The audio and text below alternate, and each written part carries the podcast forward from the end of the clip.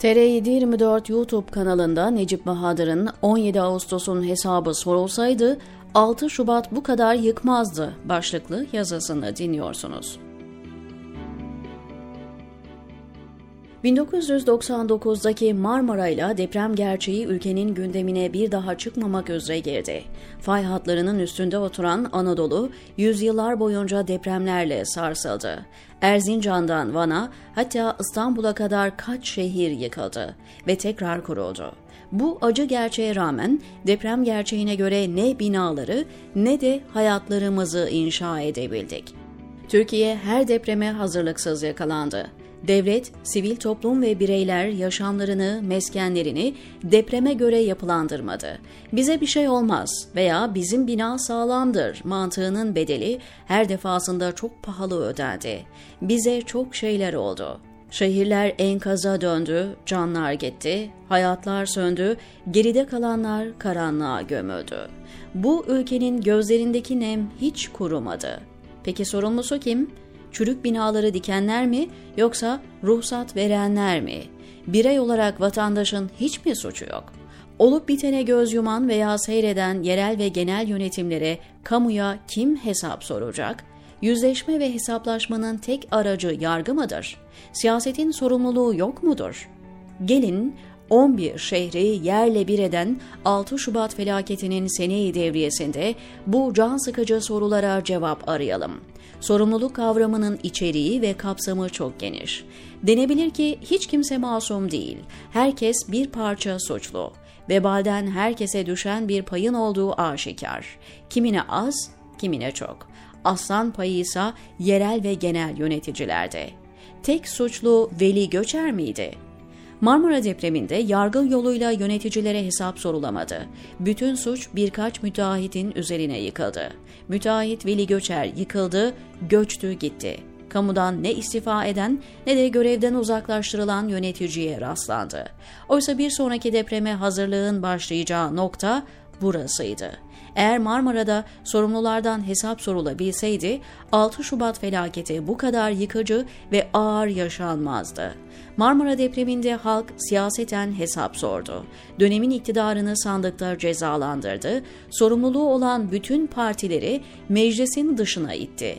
DSP, ANAP gibi partilerin sonu oldu. MHP ise düştüğü yerden kalktı ve tekrar iktidarın bir parçası oldu. AK Parti son seçimde DSP'yi de meclise taşıdı. İki büyük depreme yakalanan tek parti MHP. Bu partiyle deprem arasında ilişki kurulsa yeridir. Deprem konutlarının yapımından sorumlu bakanlık MHP'deydi. Bakanın çok başı ağrıdı. 6 Şubat felaketinde durum biraz farklı. İlk andan itibaren deprem bütün yönleriyle siyasetin konusuydu. İktidar ve muhalefet partilerinin liderleri deprem bölgesine akın etti. Muhalefet, müteahhit ve yerel yöneticilerden hesap sorulmasını isteyerek geçmişe odaklandı, şimdiyi eleştirdi, kurtarma ekiplerinin yetersizliğinden dem vurdu. İktidarsa bir yıl içinde şehirleri yeniden inşa edeceğiz diyerek vaatlerini sıraladı ve haliyle geleceğe yatırım yaptı. Kızılay, AFAD ve devletin bütün unsurları döküldü. Asker 3 gün sonra olay yerine intikal etti. Birkaç gün bölgeye kaos hakimdi. Deprem Cumhurbaşkanlığı ve genel seçimlerin hemen öncesinde yaşandı. Seçimlerin ertelenmesi bile gündeme geldi. Ancak iktidar bloğu ertelemeye sıcak bakmadı. Ülke seçimlere depremin gölgesinde gitti. Geçici seçim merkezleri kuruldu. Enkaz üzerinde mitingler yapıldı. Depremzedeler oylarını çadırlarda kullandı. Türkiye en ilginç seçime sahne oldu. 6 Şubat'ta siyasi sorumlular hesap verdi mi? Marmara'da olduğu gibi yerel ve genel hiçbir yönetici istifa etmedi. Sorumluluk bütünüyle müteahhitlerin omzuna yüklendi. Bir kısmı açılan soruşturma sonucu tutuklandı. Çok geçmeden hepsi tahliye oldu. Bugün içeride müteahhitin kaldığını sanmıyorum. Belki birkaç sembolik isim. Yargı soruşturmaları derinleştiremedi. Soruşturmalar yukarılara uzanamadı. Hiçbir yöneticiden hesap sorulmadı. Hatta iki şehrin belediye başkanı tekrar aday oldu. Hatay'dan Lütfi Savaş ve Gaziantep'ten Fatma Şahin. Peki siyasal sorumlular hesap verdi mi? Ülkede iktidardaki siyasetçiye hesap soracak yargı sisteminin olmadığı ortada. Halk sandıkta çürük binaların yapımına göz yuman ve on binlerce hayatın göçüp gitmesinden sorumlu yerel ve genel yönetimlerden, kısaca kamudan hesap sorabildi mi? Yani yargının yapamadığını halk sandıkta gerçekleştirebildi mi? Bu sorunun cevabı hayır. Neden? Yakınlarını yitiren, binaları enkaz yığınına dönen, hayatları kararan vatandaşlar tüm yaşanan bu felaketlerde aslan payına sahip siyasete, devleti yöneten iktidara niçin hesap sormadı? Siyasi iktidarın yeni binalar, villa tipi evler vaadi mi engelledi? Geleceğe yatırım, geçmişin bütün günahlarını örttü mü?'' geçmişte yaptıkları yıkılsa da yapsa yapsa yine AK Parti yapar inancı mı etkili oldu? Yaptığı yıkılan sağlam bina yapabilir mi?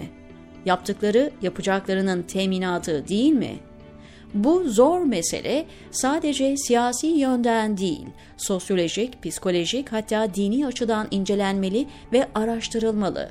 AK Parti deprem bölgesinde ortalama %61,5 oy aldı.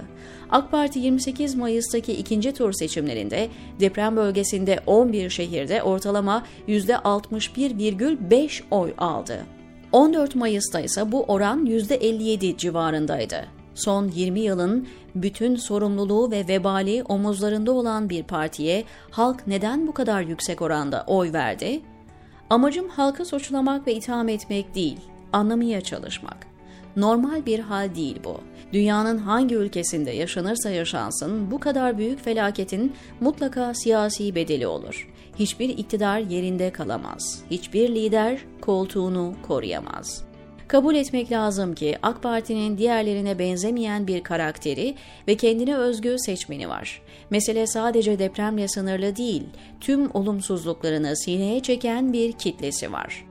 Akperest diye nitelenen çekirdek tabanını kastetmiyorum. AK Parti'nin mümini ve partiden geçinenler iktidarı tek başına ayakta tutamaz. %30'lara yaklaşan AK Parti'nin oturduğu zemin ve temeli bu. Belli ki bu oran deprem bölgesinde daha mı yüksek? O yüzden AK Parti diğer partilere hiç benzemiyor. Seçmeni başarı veya başarısızlıkla ilgili değil, özellikle Erdoğan bir siyasi liderden çok öte anlamları bünyesinde barındırıyor. Havuç ve sopa politikası elbette avantaj. Bütün bunlar meseleyi bir noktaya kadar izah ediyor. O yerden sonrası ise soru işareti. Deprem felaketinin boyutları ne kadar büyük olursa olsun, iktidara vücut veren kitlenin AK Parti'ye imanlarında bir zayıflama yaşanmadı. Enkaz yığınları arasında oy kullanan seçmen partisinden vazgeçmedi. Ama günü kurtarma, ama gelecek düşüncesiyle oylarını mümini oldukları Erdoğan'ın AK Partisi'ne verdi. 6 Şubat'ın yargı ve sandık hesabı kapanmadı. Toplum ne kadar farkında bilmiyorum ama cezasızlığın yıkıcı sonuçları olur. Eğer sorumlularla hesaplaşılabilseydi hiç değilse bundan sonrası için en azından ibret ve dersten söz edilebilirdi. Marmara 6 Şubat'ı doğurdu. Bakalım 6 Şubat nelere gebe?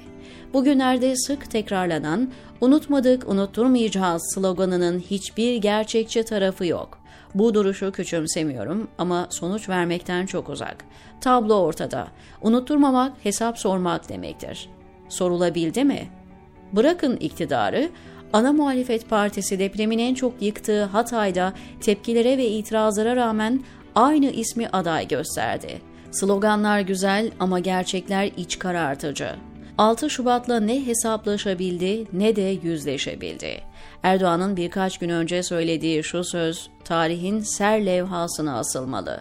Merkezi yönetimle yerel yönetim el ele vermezse, dayanışma halinde olmazsa o şehre herhangi bir şey gelmez. Hatay'a geldi mi? Şu anda Hatay garip kaldı, mahzun kaldı. Sadece Hatay değil, bütün şehirler. Koca ülke garip ve mahzun. Anadolu gariplerin ve mahzunların coğrafyası. O yüzden garipliklerin sonu gelmiyor diyor Necip Bahadır TR724'deki köşesinde.